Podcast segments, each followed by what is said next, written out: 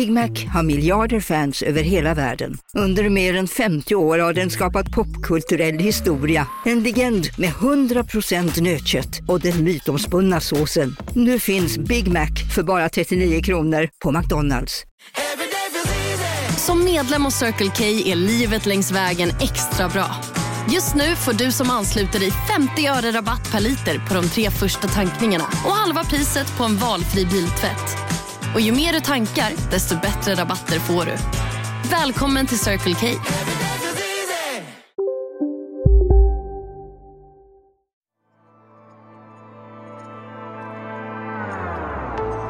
Det var på nyårsafton som Per Axbom bestämde sig.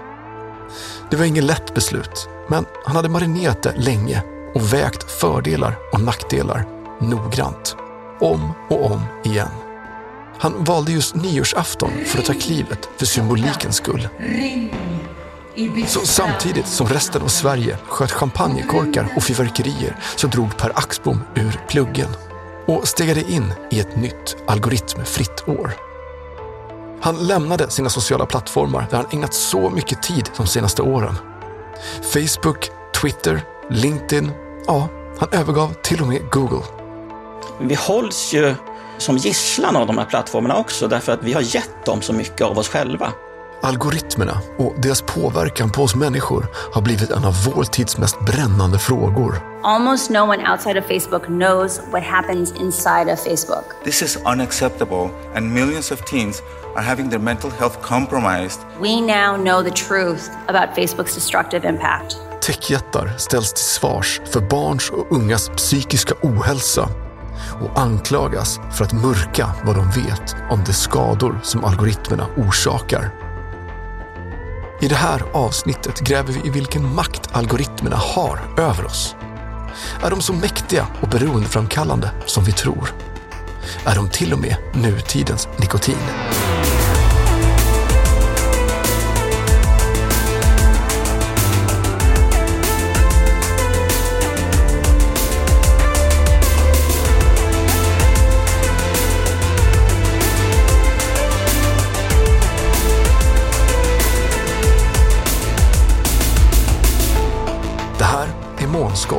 Podden om vår tids techfenomen och de oväntade konsekvenserna.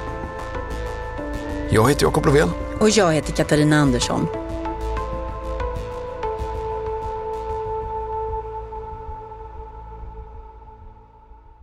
Hur låter jag nu? Bubblegum watermelon. Bubblegum watermelon. Jag har hört att man ska värma upp rösten med, genom att säga det. Är, är det här han? Alltså vår huvudperson? Ja, det är Per Axbom. Han är en riktig nätveteran som har varit med från början och jobbar som konsult och föreläsare. Och han har funderat mycket på det här som man kallar för digital etik.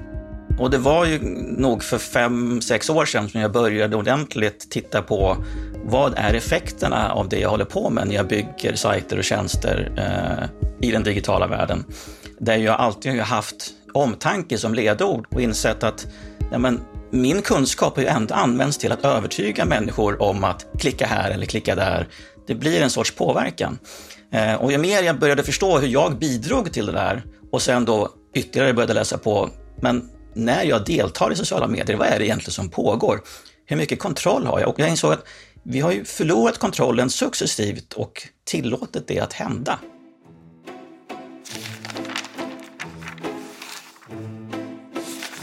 Jag kommer ihåg en krönika som jag läste för länge sedan. Den var publicerad i DN och det var journalisten Lena Sundström som hade skrivit den. Året är 2014 och den handlar om en skinnkjol. Lena Sundström skriver att hon har googlat på ordet skinnkjol efter det att hennes syrra har bett henne kolla upp en grej på nätet. Och det var inte det att Lena Sundström inte hade fattat att det var något där ute som hade koll på oss. Annonser hade dykt upp i hennes flöde. Reklam för böcker som Lasermannen och Saudivapen. Men Sundström utgick från att hon blivit inringad som en viss målgrupp. Någon som älskar att läsa böcker. Så såklart får hon annonser om böcker, tänker hon. Det är ingen big deal. Men vändningen kommer när hon knappar in ordet skinnkjol i sökrutan. För efter det så fylls Lena Sundströms flöde med annonser för olika skinnkjolar. Det blir rena skinnkjolsinvasionen skriver hon i artikeln. Och plötsligt blir den där abstrakta och ganska ogreppbara övervakningen som det talas om kristallklar för Lena Sundström. Hon får upp ögonen för att det är hon, inte någon luddig målgrupp, som faktiskt kartläggs via allt hon gör på nätet. Och jag minns den här artikeln som den första jag läste som faktiskt blev en ögonöppnare om digital kartläggning. Och den handlar om en skinnkjol. Det där var ju tidigt skrivet. Men man glömmer bort det. Det är nästan som att man glömmer bort det. Och sen ser man den annonsen. Ja, just det, det var ju för att jag gjorde sådär. Och så hela tiden, men man har ingen aning om men, hur ska jag göra för att det här ska sluta hända. Men till slut slutar man bry sig. Tanken med rekommendationsalgoritmerna är att de ska ta dig i handen som en förälder som har med sig sin unge på zoo. Kolla där, kolla där, det vill du se. I jakten på vår uppmärksamhet så hittade techbolagen i begynnelsen på en rad trick för att få oss att stanna kvar på plattformen. Per Axbom har minnen från tiden på Facebook då plattformen var ny och algoritmerna ofta körde i diket. Absolut, den som är starkast kvar hos mig tror jag, det är ju när en branschkollega upptäcker att han har fått en sån här påminnelse på Facebook om att det här är den bilden som gillades mest det senaste året. Eh, och då gör man det också på ett sätt så att man har fyrverkerier och visar på att man verkligen firar att det här var den bästa bilden. Och då var det en bild på hans dotter där han delade med sig av att hon var döende i cancer. Och vid det här laget hade hon också gått bort. Så det var en påminnelse för honom då om allt det här tragiska och väldigt eh, emotionella och känslomässiga som hade hänt honom. Så det var inte alls någonting att fira och att de firade det på det sättet, det var ju fruktansvärt. Och då blir ju det en enormt stark känsla som förstås, det spred sig ju som en löpeld att det här hade hänt. Och det tog ett tag, han bloggade om det, det tog ett tag, sen bad ju Facebook om ursäkt. Men sen så fortsatte det ju.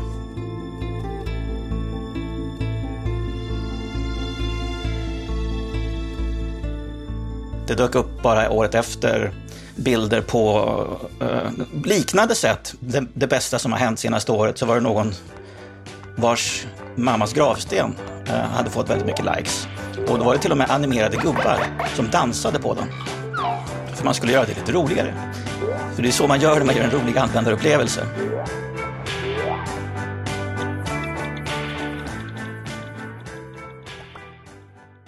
I begynnelsen så var sociala medier organiska. Det som postades senast var det som syntes först när man klev in på plattformen. Och sen gjorde de om det nästan över en natt. Det är lätt att glömma bort det. Det var en gång i tiden så att det var kronologiskt. Jag såg faktiskt det, det som de personer som jag följde, jag såg deras inlägg. Så är det inte längre. Algoritmerna försöker hantera inläggen så att den som sannolikt är mest intresserad av innehållet ser det först. Och det behöver ju inte vara våra vänner. Jag vet inte längre om jag publicerar någonting i sociala medier, vem som ser det. Jag har ingen aning. Det är slumpmässigt. Det är som att skicka, lägga ett, en papperslapp på gatan på stan och hoppas att ja, men det kanske är någon som läser det här och likar det. Eh, för jag kan inte styra det längre. Det är någon annan som kontrollerar det. Och tvärtom, det tänker vi ofta inte på. Tvärtom är det ju också någon annan som styr vad jag ser. Alltså det är inte jag som har bestämt det, jag har ju följt en massa människor. Men nu för tiden så är det ju inte ens de du följer du ser mest av, nästan, utan du ser ju en massa andra människors inlägg som någon annan kanske har gillat, eller som kanske har sponsrats av någon, det vet jag inte riktigt heller. Så att min, min konsumtion av innehåll och mitt sätt att få ut mitt, mitt eget innehåll hade jag ingen kontroll över längre insåg jag. Det blev jättebisarrt att inse det. Jag har noll kontroll. Per hade sin egen blogg långt innan sociala medier-plattformarna kom. Där skrev han själv och läste och kommenterade andras bloggar. Där hade vi ju en direkt kontakt med människor hela tiden, de som vi ville ha kontakt med. Nu har jag kontakt med en massa människor som jag inte vill ha kontakt med och tvingas in i det bara för att jag deltar där. Och det känns så orättvist att min tid går åt till att svara alla dessa människor som jag aldrig har bett om att få prata med. Irritationen skavde. Plattformarna hade tvingat Per in i en social torktumlare. Ett sätt att umgås med vänner och följare som man inte gillar, berättar han. Vi hålls ju eh, som gisslan av de här plattformarna också, därför att vi har gett dem så mycket av oss själva. Vi har gett dem våra foton, vi har gett dem våra adressböcker, som är ju så vanligt nu. Vi ger vår adressbok till alla plattformar så att alla våra vänner hamnar där också i deras system. Eh, men framför allt så vill vi ju inte missa någonting. Det, här, det har blivit som ett, ett gift. Ja, men det är jättebra att ha kontakt med människor. Det är ju det som vi älskar. Men vi har gjort ett mischmasch och blandat ihop det som var barndomsvänner, skolkamrater, gymnasievänner och sen alla jobb vi har haft och så familjen. Och alla de plötsligt ska börja prata med varandra också. Så har det ju aldrig varit förut heller, att alla ska bli medvetna om varandra. Och jag, med den, det ansikte jag haft utåt i alla de här olika sammanhangen, alltså man blir ju schizofren bara av tanken att vänta nu, hur ska jag agera i den här situationen när den människan från den delen av mitt liv pratar med den här andra människan och de inte kommer överens? Ska jag ta parti för någon? Det blir så många konstiga beslut jag måste ta plötsligt. Per Axbom hade tröttnat. Han gjorde slag i saken och drog ur pluggen. Det var nyårsafton, så det var så väldigt symboliskt att jag lämnade då på nyårsafton förstås. Ring klocka. Han lämnar de sociala plattformarna allihop. Twitter, som heter X nu, och Facebook, LinkedIn. Och han bestämde sig till och med för att lämna Google. Algoritmerna skulle inte komma åt honom någonstans. Och vad som hände sen, det ska vi komma tillbaka till.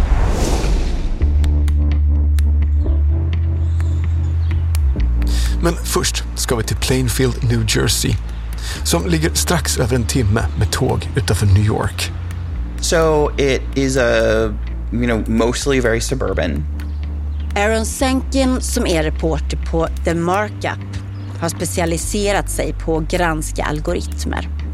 Och han har ägnat en del tid i just Plainfield, New Jersey. Um, it has like a like downtown commercial strip that's like fairly like mostly Latino. And then, you know, you have lots of old historic Victorian homes. And it's like a pretty wide mix of incomes, but most of it's like very suburban. En stad med 54 000 invånare och relativt låg brottslighet. Polismyndigheten här bestämde sig för att köpa in en mjukvara som skulle hjälpa polisen att förutspå brott. It wasn't super expensive. You know, it was like $10,000, $20,000, but it's not a massive expense. So it was something that they could, a police chief could be like, hey, here's a cool thing, let's see if it works. Aaron Sankin och hans kollega fick höra talas om mjukvaran som användes av flera polisdistrikt i USA. Predpool, som programmet kallades, samlade in en väldig massa data om var och när olika brott ägde rum. Hundratusentals polisrapporter matades in i systemet som sen kunde spotta ur sig förutsägelser i andra änden. Det kanske låter lite underligt Det kanske till och med ringer en klocka.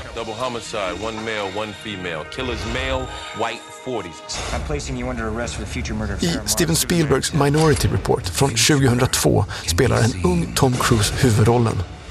Scenen är Washington DC och året är 2054.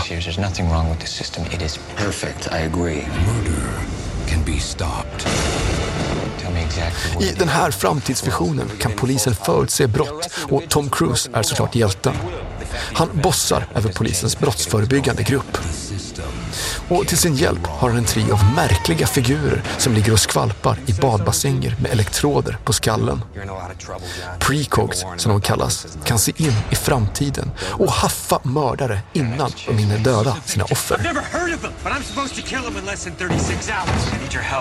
Allt är alltså frid och fröjd tills den dagen då Tom Cruise själv blir utpekad. Och en rasande kamp för att komma undan övervakningen i hans futuristiska värld tar vid. Att kunna förutspå brott på riktigt och utan att ta hjälp av precogs vore en dröm för polismyndigheter över hela världen. Kanske också för Plainfield-polisen i New Jersey.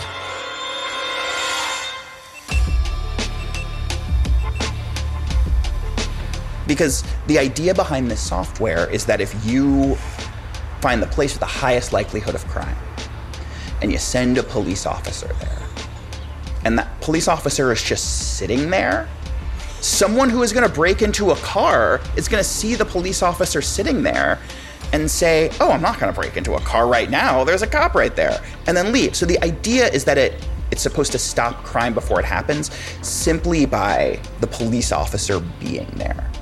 Den stora vinsten skulle vara att förhindra brott redan innan de inträffade. Ungefär som i Minority Report. Och Sanken, han blev nyfiken. Hur bra fungerar programmet och skulle brotten verkligen bli färre? Hur många kriminella skulle faktiskt bli avskräckta när mjukvaran Predpool skickade poliser till rätt plats på rätt tid? Maybe we can answer the question of how effective it was. So we like went out and requested a whole bunch more data and we found we got one town in New Jersey that was able to give us this really essential piece of data. Sanken fick tillåtelse att följa utvecklingen hos polisen i Plainfield. And they gave us data so then we could go get all of the request all of the crime reports and just see how many predictions then lined up with crime reports. Före varje skift fick poliserna en så kallad heatmap som visar i vilket gathörn ett visst brott riskerar att inträffa. Actually like very low tech. It was like it would create essentially like images or even just printouts that just had a map and a box on it. And the box is like 250 square feet. And they would just say during your shift, just go over there and hang out. And at least, you know, at least in Plainfield, the shifts were like almost 12 hours long. So just at any point within 12 hours, just go to some of these. And like the idea was like go into some of these and hang out. The system is just directing places where they should go. And those would be distributed like kind of like the squad meetings. Redan från början så var det tydligt att de patrullerande poliserna var skeptiska. So I think a lot of officers were kind of like, I don't know, man, I don't need this computer telling me what to do. I know where people get mugged. Skulle en maskin kunna veta vad de borde patrullera för att förhindra brott? De som hade varit poliser i den här stan i åratal. Det var skavigt redan från start, berättar Aaron Sankin. Like, if you're a police officer in a small town and you live there your whole life, you're like, people get mugged on this corner because it's dark and there's a bunch of bars and people come out of the bars drunk at 2 a.m. and people have been mugging people here for 30 years. Det blev inte bättre när systemet som skulle förutspå brott hade varit igång ett tag. För det första så dränktes Plainfield-polisen i förutsägelser om misshandel, stöld och inbrott. Det blev helt enkelt för många förutsägelser för att polisen skulle kunna hålla koll. Poliserna som Aaron Sankin pratade med, de var missnöjda. You know, we weren't impressed with it. The predictions were kind of perplexing. We didn't understand why it was telling us to go certain places. And what's up? Like, why is this weird? Aaron och hans kollegor började gräva i datan. Så hur många brott missade polisen för att de inte kunde vara på alla ställen som algoritmsystemet pekar på? And it was such a small number. It was under 1% for some uh, for some crimes it was like way smaller than that. Resultatet var nedslående. Programmet prickade rätt färre än en procent av gångerna. Polisen i Plainfield vittnade om att man inte hade någon nytta alls av systemet. Och det var inte bara i Plainfield som polisen köpte in den här typen av verktyg. Under en period så var så kallad polistech en hype. Många polisdistrikt ville prova på. But I think there's, you know, a push across so many sectors of society, including law enforcement, to be like, hey, there's cool new technology out there. Maybe some of it will be useful. So I'm not necessarily faulting all of these departments and all of these agencies for trying this stuff out. I think it's just, you know, important for them just to think about how you're using it. Think about what it can do, think about what it can't do. Nothing is going to be like a panacea.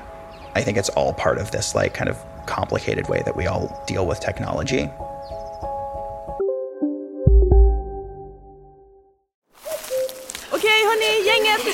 Vad är vårt motto?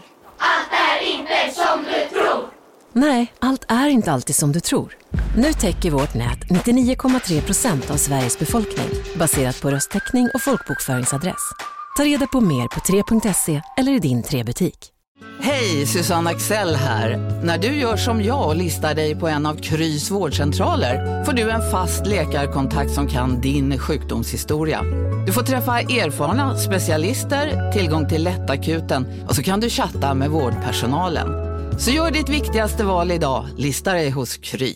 Hej, Synoptik här. Livet med glasögon ska vara bekymmersfritt. Därför får du 30% på alla glasögon när du väljer Synoptik All Inclusive. All service ingår alltid. Välkommen till Synoptik.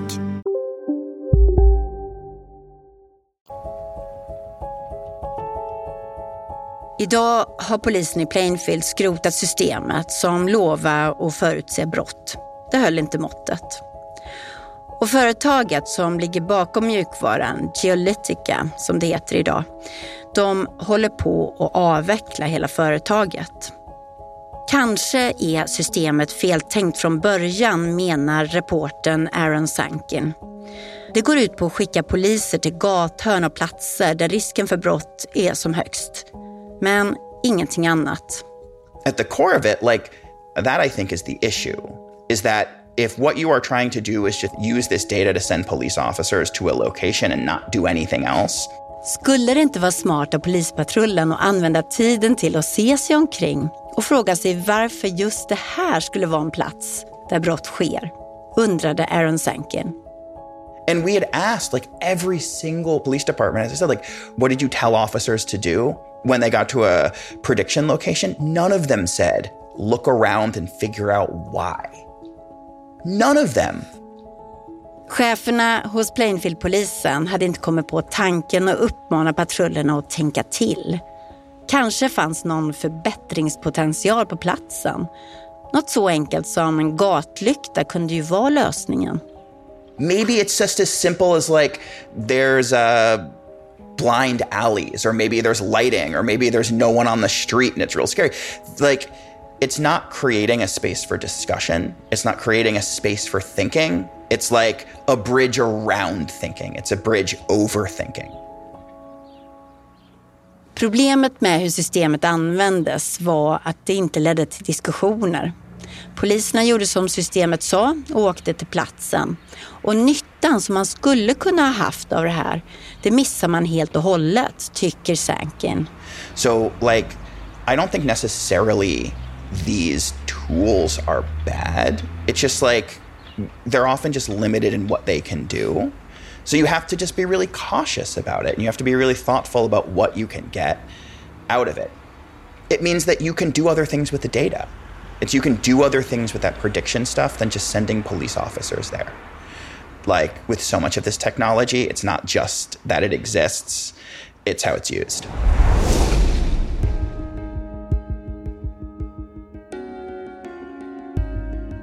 Så här har vi alltså två historier som på olika sätt beskriver problemen med algoritmer. Per som känner sig alltför styrd och kontrollerad av algoritmerna och som försöker bryta sig loss. Och så har vi polisen i New Jersey som precis som många andra myndigheter och företag runt om i världen försöker effektivisera sitt jobb och hitta en magisk lösning genom algoritmerna. Hösten 2021 så ställs frågan om algoritmernas makt på sin spets. My name is Frances Haugen. I used to work at Facebook, but I'm here today because I believe Facebook's products harm children, stoke division, and weaken our democracy. Visselblåsaren Frances Haugens avslöjanden om Facebooks algoritmer leder till den största krisen i Facebooks historia. Så påminn mig, vad var det som hände? Frances Haugen började på Facebook 2019 och hon kommer ombord för att jobba med desinformation kring val. För det var en öm punkt för Facebook. Det hade man ju upptäckt under Cambridge Analytica-skandalen några år tidigare. Då handlar det om ryska desinformationsattacker. This is Mark Zuckerberg. He just um, posted on his Facebook page and he says he wants to share an update on the Cambridge Analytica situation. This is a very long post. We're just starting to read into it. But he says we have a responsibility. We didn't take a broad enough view of our responsibility, and that was a big mistake. And it was my mistake. And I'm sorry. Frances Haugen har jobbat med de här frågorna tidigare, på Google till exempel. Och hon stegar alltså in på Facebook för att hjälpa dem att bli bättre. Och Haugen har också en högst personlig anledning till att ta just det här jobbet. Hon, precis som många andra, har nämligen en vän som har börjat tro på konspirationsteorier och som har försvunnit in i foliehattsvärlden, ivrigt påhejad av rekommendationsalgoritmer. Haugens drivkraft är att det här inte ska hända andra. Hon vill fixa Facebooks algoritmer helt enkelt. Så Frances är på något sätt en perfekt anställd kan man tänka. Någon som kommer in och vill förändra och som vill det med både själ och hjärta. Men Haugen blir inte kvar så himla länge på Facebook. Redan i maj 2021 så säger hon upp sig. Hon slutar. Almost no one outside of Facebook knows what happens inside of Facebook. Och hon slutar av samma anledning som hon börjar. Hon vill skapa ett bättre, mer säkert Facebook. Men hon känner att hon inte kan göra det från insidan. The company's leadership knows how to make Facebook and Instagram safer, but won't make the necessary changes because they have put their astronomical profits before people. Så hennes sista meddelande på Facebooks eget interna kommunikationssystem, hon skriver det samma dag som hon kliver ut genom dörrarna, är I don't hate Facebook. I love Facebook. I want to save it. Haugen tar med sig tiotusentals dokument och traskar ut. Det rör sig om mejl och framförallt kommunikation från Facebooks interna kommunikationsplattform. En slags anslagstavla där alla som jobbar på företaget kan skriva vad de tycker och tänker. Facebook under fire tonight. Haugens avslöjande resulterar i en storm av kritik mot Facebook. Whistleblower Frances Haugen insisting Congress must act against a company she says is misleading the public, promoting hateful and harmful content, holding its CEO to account. Haugen left Facebook Dokumenten, som först presenteras i artikelserien The Facebook Files i The Wall Street Journal, pekar på att sociala mediejätten sätter vinst framför människor och medvetet mörkar studier om hur algoritmer skadar användare. Speciellt de unga användarna. Teams blame Instagram for increases in the rate of anxiety and depressions. Feelings of depression, eating disorders. You can go down a real ugly path with this. And researchers agree the app could be dangerous. Tonårstjejers stress över kroppsideal på Instagram skapar svarta rubriker. Mark Zuckerberg says it's just not true, responding to the claim that Facebook puts profit over safety. Facebook försvaras med att de själva gör just de här undersökningarna för att ta reda på hur deras plattform faktiskt påverkar människor. Just för att de bryr sig. Att de där undersökningarna sen läcker och vänds mot företaget är orättvist, menar man. Och deras försvar går också ut på att Facebook visar på positiva effekter som kommer med att ha ett Facebook-konto. Men det försvaret känns tunt och biter inte. We now know the truth about Facebook's destructive impact. Tonight, Frances Haugen, the Facebook whistleblower. In a rare show of consensus in the US Congress, lawmakers agreed that significant changes are needed at Facebook after whistleblower Frances Haugen leveled a series of allegations. Det var alltså hösten 2021 som Frances Haugen släppte sin bomb och Facebook, alltså Meta idag, upplevde sin värsta kris någonsin. Men fördömandena mot techgigantens algoritmer har fortsatt. Hösten 2023 så träder en ny visselblåsare på Meta fram. Thank you for the opportunity to appear before you and for your interest in addressing one of the most urgent threats to our children today. Arturo Bejar som anställdes redan 2009 och som har jobbat med säkerhetsfrågor anklagar sitt eget företag för att skada barn. It's been two years since I left, and these are the conclusions I have come to. One, Meta knows the harm that kids experience on their platform. Han vittnar om att Facebook-topparna vet om allt och har tagit del av hans varningar om att algoritmerna pushar skadligt innehåll. Till exempel så exponeras barn för grooming, säger han. This is unacceptable. Yet years have gone by and millions of teens are having their mental health compromised and are still being traumatized by Men visselblåsaren pekar också på hur algoritmer skapar beroenden. Beteenden som gör att man hela tiden vill tillbaka till plattformen och det här är många gånger inte sunt. There are actionable steps that Meta could take to address the problem. They are deciding time and time again to not tackle these issues. Vart de här allvarliga anklagelserna landar, det vet vi inte än. I look forward to seeing what Facebook's like in five years. Like, my greatest hope is that Facebook will be a more successful company because we gave it some accountability. Frances Haugen finns fortfarande med i frontlinjen av diskussionen och hennes nyckelargument låter så här. Frågan är inte om techföretagen har rätt att skapa beroendeframkallande digitala produkter. Frågan är om de faktiskt har rätt att ljuga om vilken påverkan de faktiskt har.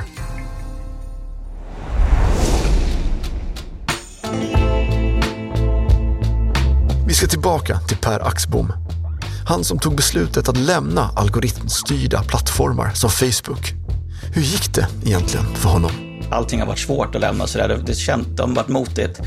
Eh, men var, då var det mycket så som jag har beskrivit nu, att jag förstår inte varför jag måste tvingas in i de här diskussionerna hela tiden. Jag tycker om att diskutera, jag tycker om att skriva, men det blir inte på mina premisser längre. Det är någon annan som bestämmer vad jag gör. Det som har förvånat mig just med Facebook är att jag har inte saknat det någon gång. Det har, det har förvånat mig jättemycket. Och det dyker upp ibland så här att ja, men, folk säger saker och så inser man just ja, men det vet ju inte du Per, för du finns ju inte på Facebook. Och så skojar folk, ja men han är ju off the grid eller off grid. Det här med att inte vara på de här plattformarna som alla andra finns på, det blev till sist allt för ensamt. Det spelade ingen roll vad Per skrev på sin blogg, för det var ingen som såg. Och han fick ju inte heller tillgång till alla spännande diskussioner som han egentligen ville ta del av. Så han bestämde sig för att gå tillbaka till åtminstone en plattform. Och han valde LinkedIn. Det är väldigt svårt att nå ut när människor inte ser att de kan titta någon annanstans än just på plattformarna. Och för att jag med mina budskap ska få någon form av publik så måste jag i alla fall finnas någonstans. Så du fick komma tillbaka med svansen mellan benen då? Eh, det... det där är, men det är så bra att du säger det, för det där tror jag är en, en oro många har, om de i alla fall tänker på att ja, men jag funderar på att ta en paus. Och det är ju många, det vet ju många kändisar som har slutat på Twitter och sen kommer de tillbaka efter några månader och bara haha, det gick inte att sluta. Eh, men det är ju bara din känsla, så det kan ju du skita i. alltså det spelar ingen roll om du kommer tillbaka eller inte. Det är ju, allting är ju ett experiment, allting är ju någonting man testar på prov. Pers provperiod helt utanför den algoritmstyrda världen höll i åtta månader. Han ser det inte som ett nederlag att han hoppar tillbaka till LinkedIn. Han tycker att han fick tid att tänka till. Det hade gått åtta månader. Och under de åtta månaderna så hade jag ju hunnit fundera mycket mer på hur vill jag använda det här verktyget? På mina premisser så att jag får kontroll över det istället för att hela tiden känna mig styrd av hur LinkedIn bestämmer att jag ska bete mig.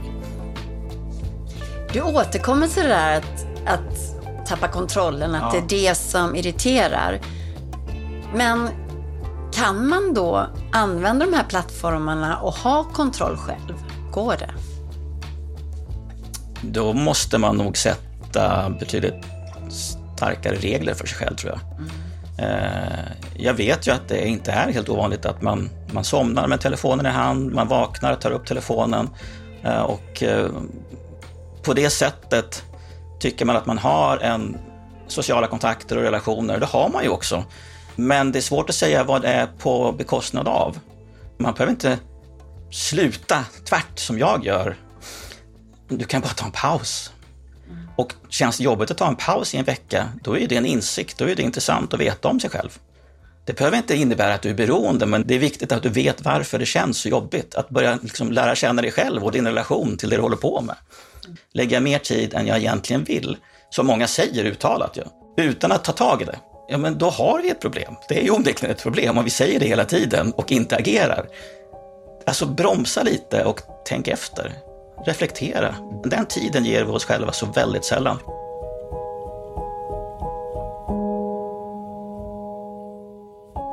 Det roligaste med att komma tillbaka är ju att träffa människorna igen. För det, återigen så är det ju människorna och relationerna det handlar om.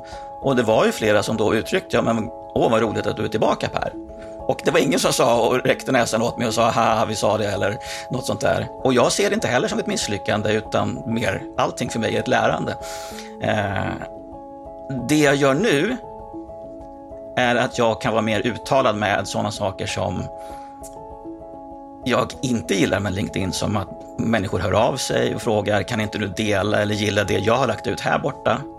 Och det tänker jag, det gör inte jag längre, för det, det där får jag ont i magen av, att det är på det sättet det går till. För alla är hela tiden ute efter att lura algoritmen så att deras inlägg syns mer. Så det jag tror att jag försöker göra med de beslut jag tar är att visa att ja, men så här kan man ha närvaro på webben också. Och du kan fortfarande ha kontakt med en lagom mängd människor. Kanske inte hela världen, och det kanske inte var meningen heller. Det kan ju också vara en effekt av att vi har insett Jo, men den här globaliseringen av sociala nätverk där vi ska ha koll på varenda människa runt hela världen och ha möjlighet att kontakta dem. Vad är det bästa för oss? Ja, men ska vi sätta oss ner och tänka över det en stund? Och funderade, nej men det kanske inte var så himla bra för att det tar en jäkla massa tid att vara så orolig och ha empati för allting som händer hela tiden. Det är ju för överväldigande för mig som människa. Jag säger inte att plattformarna är elaka. Det är inte det jag säger. Jag säger att vi fastnar i ett beteende på grund av sättet de är byggda på. De är ju byggda på ett sätt som genererar pengar därför att det är klart att det är det plattformarna har som uppgift. Eh, och det är inte så konstigt. Men jag tror inte på att det finns någon inneboende elakhet som har orsakat det här, utan det är ju hur systemet ser ut som, som gör att det här har hänt. Jag vill bara visa på att det finns andra sätt det finns andra sätt att vara på. Det finns alternativ. Innan vi avslutar dagens avsnitt vill vi verkligen tacka dig som lyssnar. Vi har fått en fantastisk respons hittills på Månskott.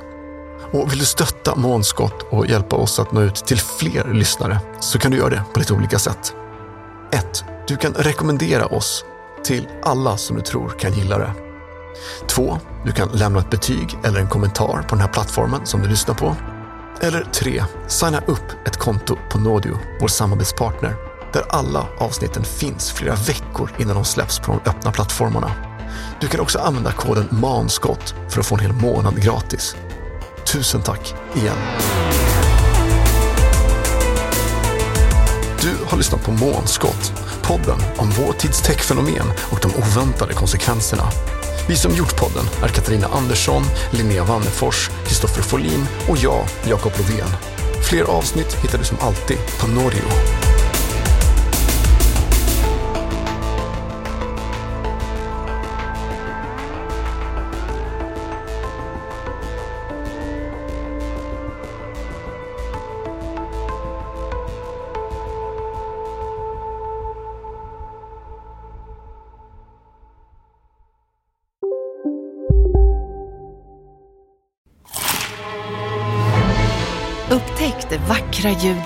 McCrispy Company för endast 89 kronor.